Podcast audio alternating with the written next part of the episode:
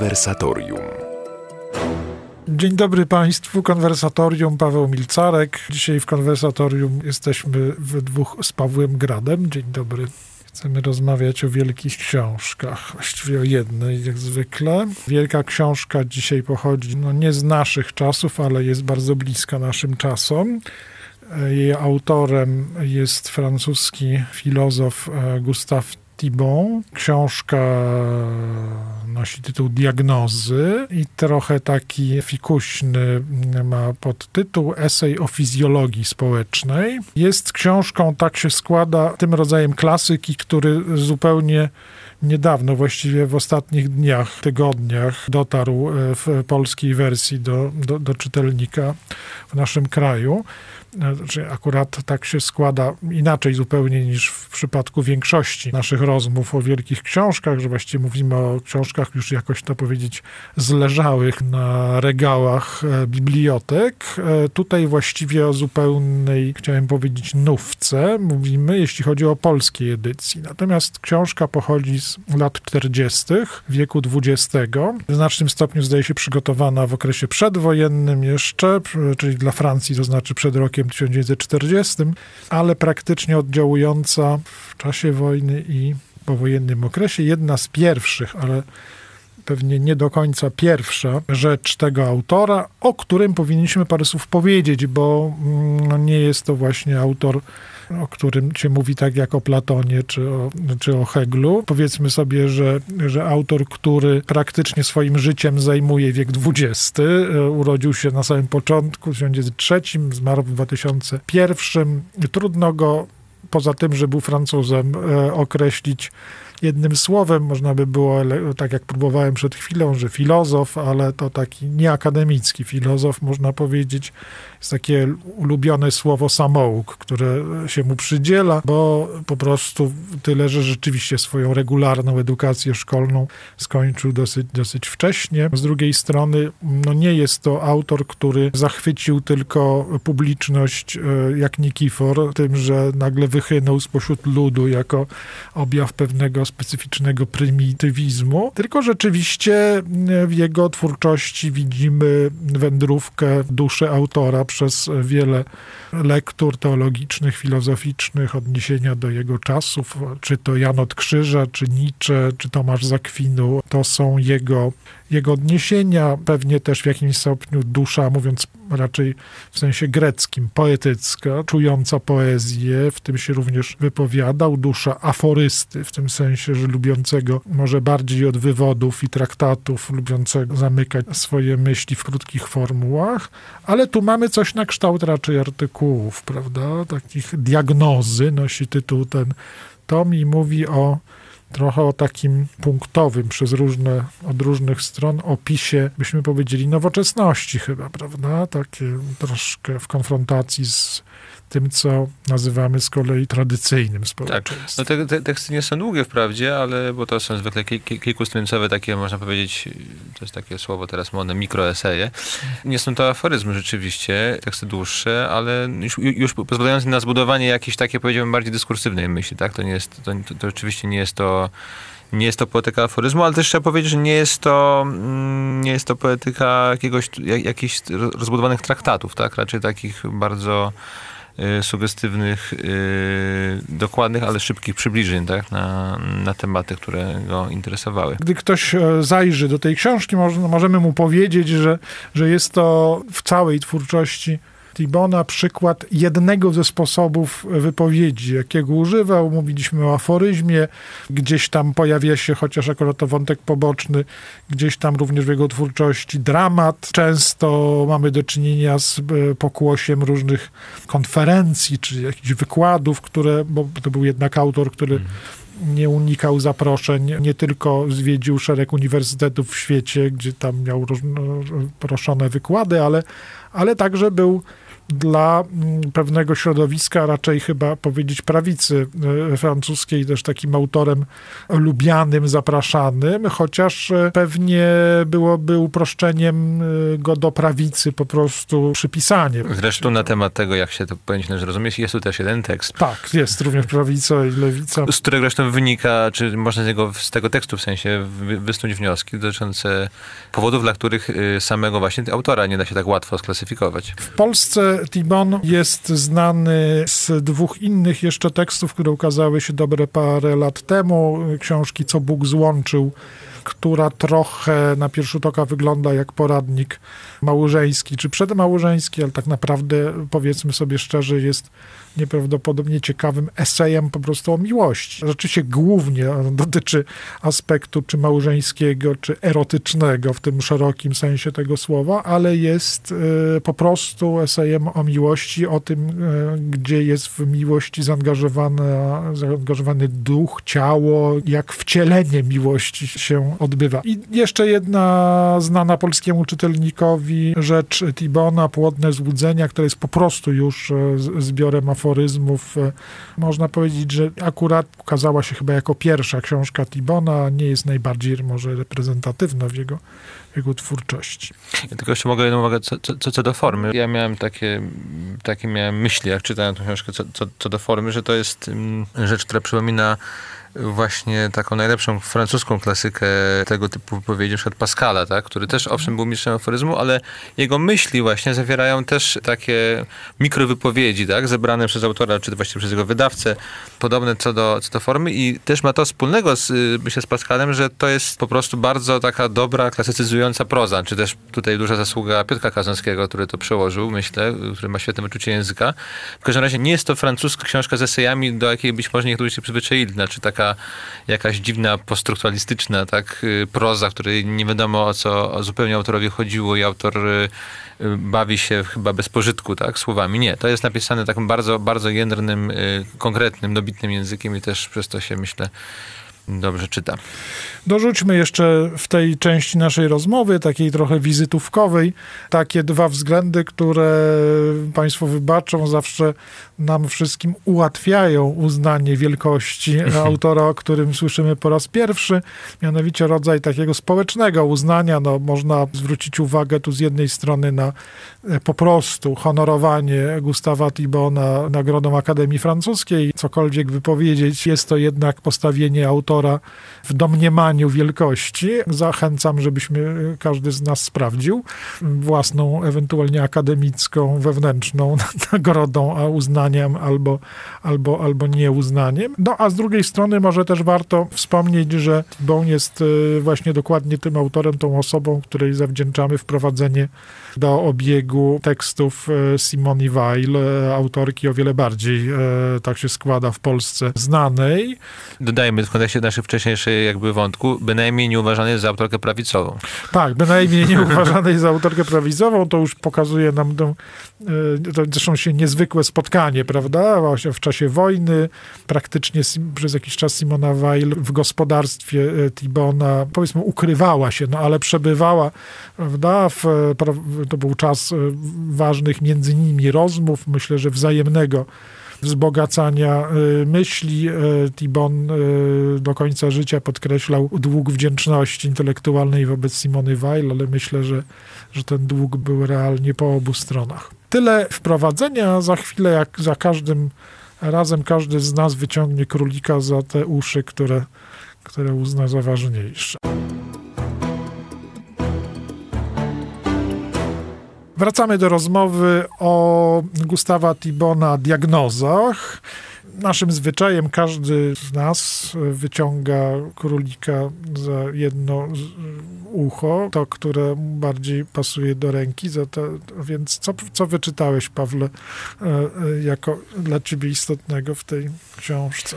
No ja chciałem zwrócić uwagę na taki wątek, który się przewija przez kilka tych diagnoz. Znaczy chodzi mi o te teksty, które są zatytułowane o równości i problemie klas, y, egalitaryzm, biurokratyzm oraz nierówność, y, czynnik harmonii.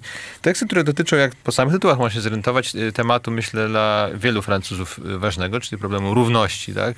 Równości takiej w sensie rozumianym społecznym i politycznym. To jest bardzo interesujący wątek y, u Tibona, bo on właśnie pozwala pokazać, w jakim sensie on, pomimo oczywiście tego, że czuł się chyba też, nie wiem, czy apologetą, na pewno kimś, kto uważał, że, czy kto rozumiał tak, głęboki sens trwania dawnego, starego porządku, który został przez y, rewolucję we Francji obalony. To, co jakby widać w, w, w, w tych tekstach, to to, że ta sympatia Tibona, którą można by właśnie sięgając po proste kategorie, nazwać sympatią prawicową, wcale nie, wcale nie jest taka oczywista. Oczywiście te teksty są, to trzeba powiedzieć, yy, można powiedzieć, głęboką krytyką, tak? Tego, co Tibon nazywa duchem egalitaryzmu czy właśnie diagnozą pewnej choroby, która jest związana z ideologią równości, y, charakterystyczną dla społeczeństw nowoczesnych. Tak? Natomiast sposób, w jaki on stawia tę diagnozę, jest już bardziej, jakby myślę, zaskakujący. Otóż Tibon wskazuje na to, że obraz porządku hierarchicznego i nierówności, jaki ma, czy jaki tworzy sobie y, ideologia egalitarna, nie jest po prostu zwykłą reakcją na istnienie porządku hierarchicznego, tak? Takiego, w którym istnieją nierówności w formie, w jakiej on istnieje w stanie naturalnym, tylko y, reakcja na jego pewną szczególną, zdegenerowaną formę. I to nawet nie chodzi o degenerację na przykład y, nie wiem, systemu feudalnego we Francji w tej epoce, która poprzedzała bezpośrednio wybuch rewolucji, ale chodzi na przykład o takie formy w sumie hierarchiczne, tak, czy nierównej y, struktury społecznej, jakie są kojarzone już ze specyficznie nowoczesnymi porządkami społecznymi, na przykład takimi jak kapitalizm. Więc jakby sugestia Dibona jest taka, że obraz wszelkich porządków hierarchicznych, w tym dawnego, obalnego, obalonego również przez rewolucję ładu, jaki dzisiaj mamy, jest zaburzony przez to, co nauczyliśmy się myśleć i jakby dostrzegać w porządkach hierarchicznych tych, które są już dziełem epoki specyficznie nowoczesnej. Dibon zwraca uwagę na to, że to pragnienie obalenia wszelkich, wszelkiego rodzaju nierówności, tak?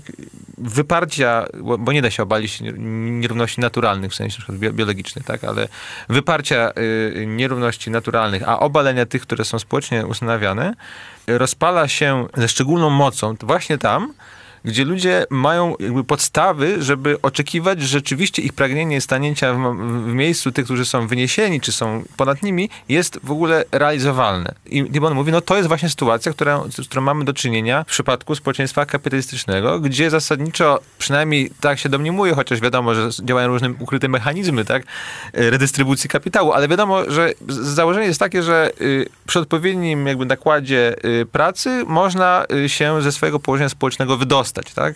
I w związku z tym pragnienie skierowane wobec y, bogacza jest y, pragnieniem zazdrości, bo można stanąć w jego miejscu. Dlaczego nie ja? Natomiast w społeczeństwie silnie zhierarchizowanym, gdzie y, podział, y, gdzie nierówność jest bardziej związana z funkcją, a nie, a nie tyle z majątkiem i zasadniczo te funkcje są niewymienne. Znaczy ktoś, kto rodzi się powiedzmy tak chłopem na przykład, tak, w tym społeczeństwie tradycyjnym, raczej ma małe szanse na to, żeby wskoczyć do powiedzmy klasy tej, tak jak mówi elity, tak, czy powiedzmy posiadaczy ziemskich w feudalnej Europy, no w ogóle nie rodzi się w nim myśl o zazdrości. Taka możliwość, żeby mógł przekroczyć to, to swoje położenie jest jakoś tutaj y, po prostu przed nim zamknięta. No a poza tym mówi Tymon, no jednak zasadniczo oczywiście różnie, różnie bywało, ale co do strukturalnych zasad tego systemu hierarchicznego, no to, no, no, no to było i powinno być tak zdaniem Tymona yy, w ten sposób, że te nierówności są tak naprawdę prostą funkcją różnic, które mają charakter organiczny, tak? Czyli zasadniczo celem istnienia tej równości nie jest yy, wyzysk jednych na drugim, tylko dopełnianie się w sposób harmonijny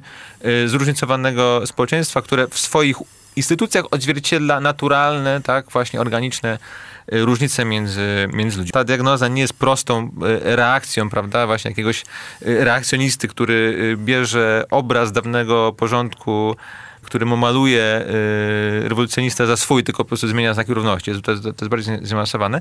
Ja bym tylko dodał, że Bon kończy jeden z tych swoich tekstów taki, takie sformułowaniem, że w tym systemie hierarchicznym, da, dawnym porządku, który został obalony przez rewolucję, ewentualne jego braki i nieskonałości wynikały z grzechów i upadku ludzi, natomiast system był zdrowy. Tymczasem w systemie, w którym żyjemy dzisiaj, y, egalitarnym, tak demokratycznym, jest na odwrót. To znaczy zdarza się, że ten system nie generuje wielkich szkód, dlatego że akurat zasiedlają go snotliwe jednostki, ale sam w sobie jest głęboko chory dlatego że przeczy właśnie tej, temu naturalnemu zróżnicowaniu i nierównościom między ludźmi. No, muszę przyznać, że jakkolwiek bardzo uważam za przenikliwą tą diagnozę, diagnozę właśnie chorób y, tej ideologii egalitaryzmu, to jednak y, tak daleko posunięte, że tak powiem, przekonanie o zasadniczej strukturalnej niewadliwości tak, systemu hierarchicznego wydaje mi się trochę na, na pewną idealizacją, tak tutaj. No ale to jest, możemy o tym teraz podyskutować.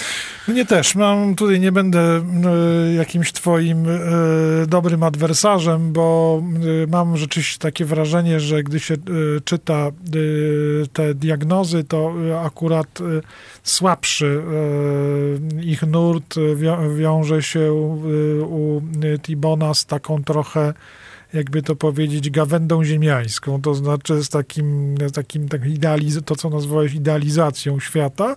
To mi trochę wygląda z jednej strony na, na pewne wypłacenie się takie publiczności, która spocznie bezpiecznie na pamięci o lepszym świecie, bo gdzieś trzeba w końcu wypocząć. E, e, mamy krytykowany świat e, nowoczesny i to nie tylko jeśli chodzi o jego różne paroksyzmy rewolucyjne, ale może przede wszystkim Tibon jest tutaj bardzo ostrym przeciwnikiem świata burżujskiego, tak, mieszczańskiego. To jest głównie na jego celowniku i na pewno myliłby się ktoś, kto by sobie wyobrażał, że mamy do czynienia z obrońcą takiego starego, dobrego świata, w sensie, że stary, dobry świat to jest wiek XIX i jego taka belle époque i tak dalej. Tutaj akurat Tibon jest bezlitosnym krytykiem i sięga rzeczywiście głębiej. To jego, ten jego taki złoty wiek, tak, który trochę tak pozwala sobie lukrować. E, e, to jest rzeczywiście czas przedrewolucyjny i to się nie dziwię, że po tych tekstach e, Tibon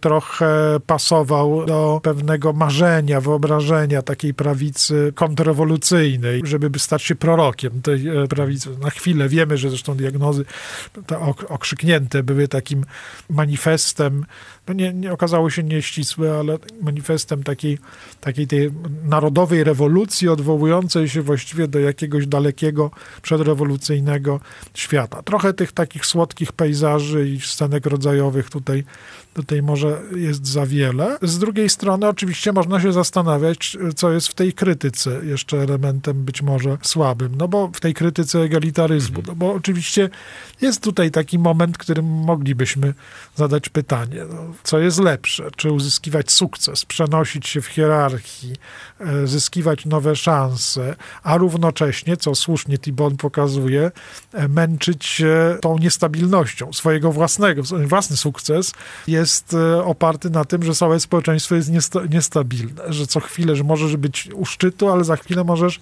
być zupełnie kim innym, w odróżnieniu od pewnego poczucia bezpieczeństwa dawnego świata, gdzie się co prawda nie miało wielkich horyzontów, ale, ale było się kimś w swoim własnym świecie, bo tutaj może dodajmy, że, że u Tibona to nie jest tak, że mamy elitę umiejscowioną wyłącznie na samym szczycie, tylko można powiedzieć, że na każdym poziomie życia społecznego też jest e, coś w rodzaju stabilności stabilnego świata, elity tego świata, wieśniaczego, robotniczego mm. i tak dalej. I tu na tym poziomie, taki, takiej elity wewnętrznej, no to oczywiście zawsze gdzieś tam w tej elicie można było się znaleźć, prawda? Natomiast to, co opowiadałeś, to jest e, przesuwanie się między tymi strefami po prostu, góra-dół, tak byśmy już jakoś tam powiedzieli.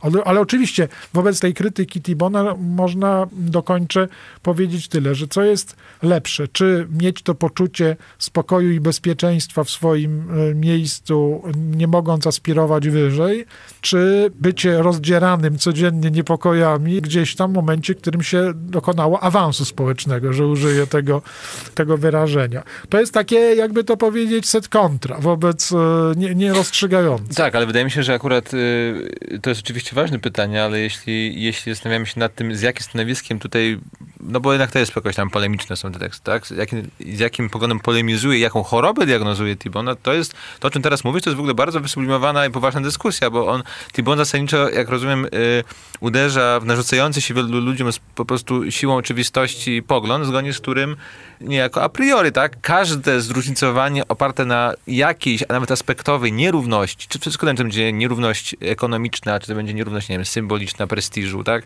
funkcji, zakresu władzy, jest po prostu niesprawiedliwy, tak. No i Tibon pokazuje, że obraz, w którym tego typu nierówności uważa się, że koniecznie prowadzą do jakiejś formy niesprawiedliwości, takiego wyzysku, no jest ekstrapolacją jakiegoś chyba doświadczenia w gruncie rzeczy właśnie bardzo nowoczesnego, czyli takiego, w którym ten antagonizm, czy te, te, te zróżnicowanie jest antagonizmem między wielkimi, we, wewnętrznie jednolitymi klasami, które z sobą walczą, tak?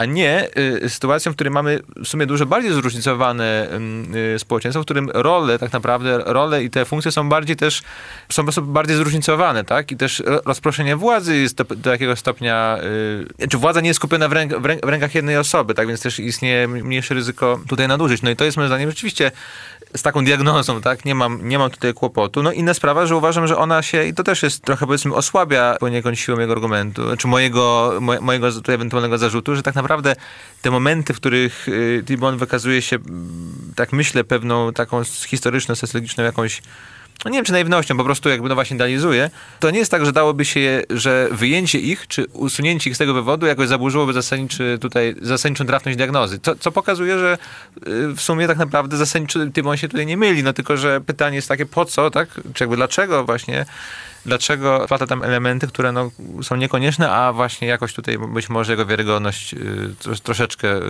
niepotrzebnie osłabiają. No, niewątpliwie z tą całą swoją tezą o pozytywnej nierówności po prostu Tibon należy do e, tej tradycji, która w samym fakcie nierówności ludzi, można powiedzieć też i niesamowystarczalności, w związku z tym widzi e, to podstawowe realne e, wiązadło w, e, w, każdym, w każdej formie życia społecznego. Tak? To mamy u wszystkich myślicieli, którzy rozumieją, że, że więzi społeczne są, jakby to powiedzieć, pierwsze w stosunku do, mm, do ewentualnego ich negocjowania, tak? W, e, że, że, że, istnieją ze względu na to, że człowiek nie, nawet jak to z kolei Tomasz Zakwinu powiadał, że teoretycznie człowiek tak wiele się mógłby wszystko, e, wszystko ale realnie nie, e, nie wszystko może. Ta nierówność jest nie tyle może od razu opisana w jakąś pozycją, stanem i tak dalej, jest po prostu jakąś, jakimś momentem tego, co byśmy, przepraszam, że użyję tego wyrażenia,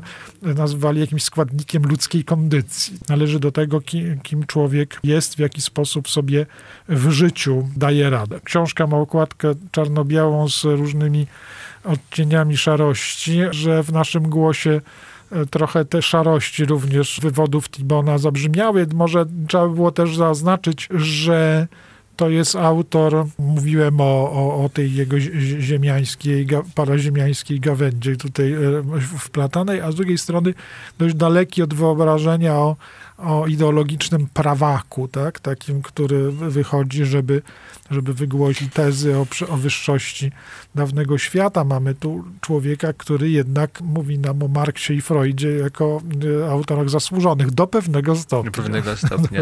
Tylko jeszcze dodam, y, że jakby tak trochę tytułem zachęty jeszcze, że w kontekście toczącej się ostatnio w Polsce dyskusji na temat też polskiej historii społecznej, właśnie miejsca, miejsca stanu trzeciego, tak, dyskusji między Szczepanem Twardochem a, a księciem Radziwiłem, y, książek, które się okazują historyków y, oraz publicystów na ten temat, te diagnozy Tibona w tym temacie właśnie są, no, wypadają, otwierają jakoś zupełnie, jak myślę, inną, inną perspektywę, a jednocześnie są bardzo blisko tak naprawdę tej dyskusji.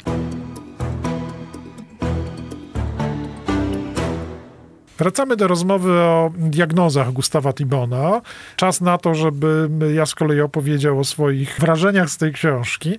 Powiem tak, że bez zmiany tym rozdziałem, który e, wśród wielu intrygujących, który jednak najbardziej e, pozostaje zawsze w mojej pamięci i mnie inspiruje, jest oczywiście takie dosyć krótkie, ale zasadnicze wystąpienie Tibona przeciwko personalizmowi. Pamiętam, że od Czyli pierwszej... z wrogiem człowieka?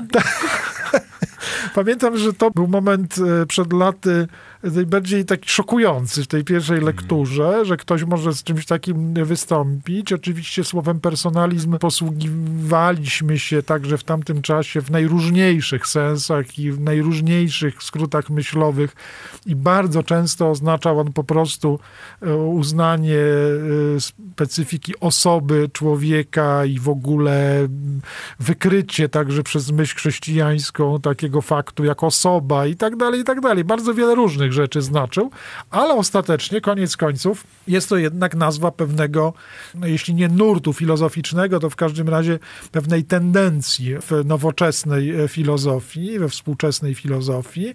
E, e, tendencji, która owszem, lubi się powoływać na, na różne źródła dawniejsze, ale w sumie jest w nowoczesności taką formą wyboru, bym dzisiaj to tak powiedział, zawsze pewnej części przeciw, przeciw pewnej całości. Tutaj akurat posłużyłem się odróżnieniami, które zna święty Tomasz z Akwinu i innym dla mnie momentem zaskoczenia przed laty była, było zdanie sobie sprawy, że jego zdaniem, zdaniem Akwinaty, część jest ważniejsza od, e, od całości. Wydawało się rzecz oczywista. Natomiast gdy, gdy mniej więcej w tym samym czasie czytałem Tibona i trafiłem na jego żarliwy manifest przeciw personalizmowi, to wydawało mi się, jakbym miał do czynienia z człowiekiem, który jednym ruchem chciał obalić całą specyfikę zachodniej kultury, prawda, i tak dalej trochę to tak wygląda, może tylko troszkę mniej niż to, co ty sugerowałeś, że, że, hmm. że mamy do czynienia z wrogiem po prostu człowieczeństwa i człowieka. Prawda jest inna. To, to, to był żart oczywiście. Prawda jest inna. Ten niewielki tekst y, jest y, po prostu gwałtownym upomnieniem się, gwałtownym, ale, ale rozumnym, pełnym argumentów, upomnieniem się o ramy życia, podstawę życia. Można powiedzieć o powszechnym technik przeciw e, wyłącznie jedno, e, jednostkowym e, faktom.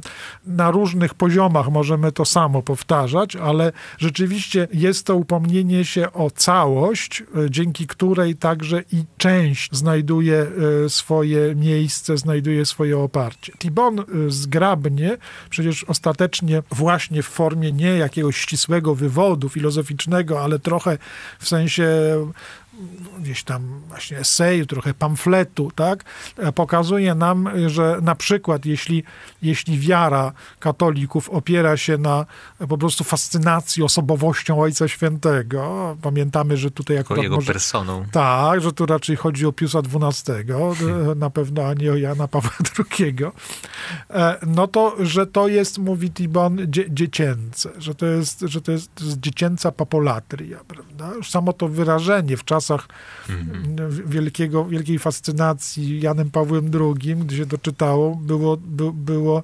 zaskoczeniem. Ale oczywiście nie do tego się sprowadza sama myśl. Mu chodzi po prostu o to, że że wszędzie tam, gdzie buduje się na indywidualnych doskonałościach tej oto osoby, tego oto, gdy kocha się wyłącznie te cechy tego kogoś, kogo się, kogo się w jego szczegółowości rozpoznało, to że i miłość, i wierność, i powaga życia opierają się na bardzo zmiennych, e, słabych podstawach. Że musi sama zasada życia społecznego człowieka, jego ideałów, jego planu życia i tak dalej, oprzeć się właśnie na tym, co on tutaj nazywa ramą, tak, kadarą, tak, mówiąc francuska.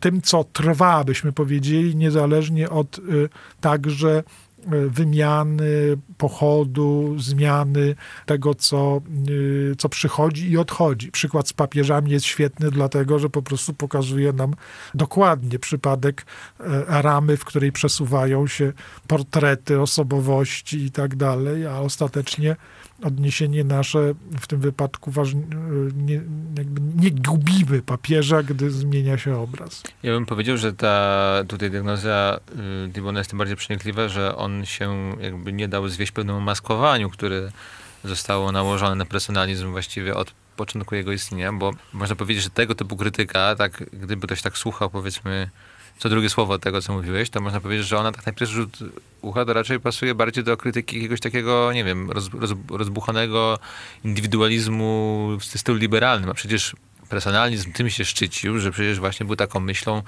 powiedzmy, no to jest też jak klisza, ale nazwijmy taką socjalistyczną, że właśnie podkreślał, że prawdziwy rozwój osobowości jest możliwy tylko we wspólnocie i jakby i wszystko, wszystko, wszystko to, to istniało. Natomiast co do, co do sfery deklaracji, natomiast Tibon, myślę, dobrze pokazuje, że E, w gruncie rzeczy, podobnie jak socjalizm, bo w socjalizmie też jest taka myśl zawarta, tak, że kolektyw jest, jest ważny i że człowiek jest istotą społeczną, tylko tyle, że te więzy społeczne, na które w praktyce, w praktyce się zwraca uwagę, tak, w takiej y, fi, filozofii, nazwijmy to, socjalizmu, to są więzy związane z, jakby z po prostu procesem produkcji i zabezpieczenia zasadniczo bytu materialnego. I zakłada się, że kiedy się zagwarantuje sprawiedliwe relacje społeczne w sensie mające ba bazę ekonomiczną, to właśnie wtedy jednostki będą mogły rozkwitać po prostu z wnętrza swoich i, i tych nie, niepowtarzalnych indywiduów i się realizować i wyrażać. Tak? Więc w praktyce okazuje się, że ten wspólnotowy charakter socjalizmu, czy tutaj personalizmu w tym wypadku, służy tylko temu, żeby zagwarantować pewien, pewną materialną podstawę życia, a potem wszystko toczy się zasadniczo zgodnie z regułami, raczej nazwałbym to indywidualistycznymi. Natomiast się okazuje, że, że właśnie, że pomimo, że pomimo takiej deklaracji w praktyce jednak, ja myślę, że tutaj kluczowym, kluczowym przedmiotem ataku tak naprawdę jest właśnie przeciwstawienie, przeciwstawienie nie tyle sama zasada jakby godności osoby, osoby ludzkiej, tak, czy jakby postawienie podkreślenie, że posiada ona niezbywalną godność, która nawet, czy nie może zostać zmierzczona przez, przez wspólnotę.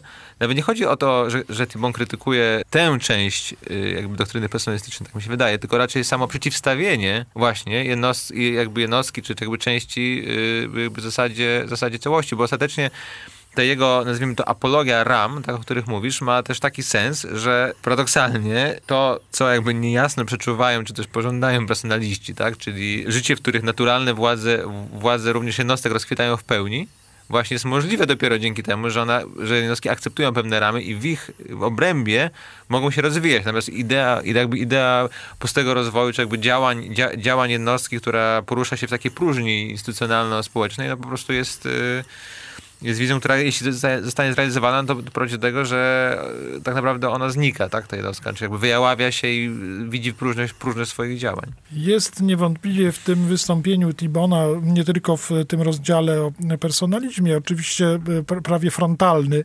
e, atak przeciw temu, co byśmy nazwali takim absolutnym prymatem osoby. To ciekawe, bo zresztą wyrażenie zresztą się po, po, pojawia, prymat osoby jest konfrontowany przez Tibona w, w duchu tego, co byśmy nazwali prymatem dobra wspólnego. Akurat tego mocnego przeciwstawienia użył e, dosłownie kto inny. Kanadyjski tomista Charles de Conenc jest autorem e, wiele lat później dzieła o prowokacyjnym tytule o prymacie dobra wspólnego przeciw personalistom.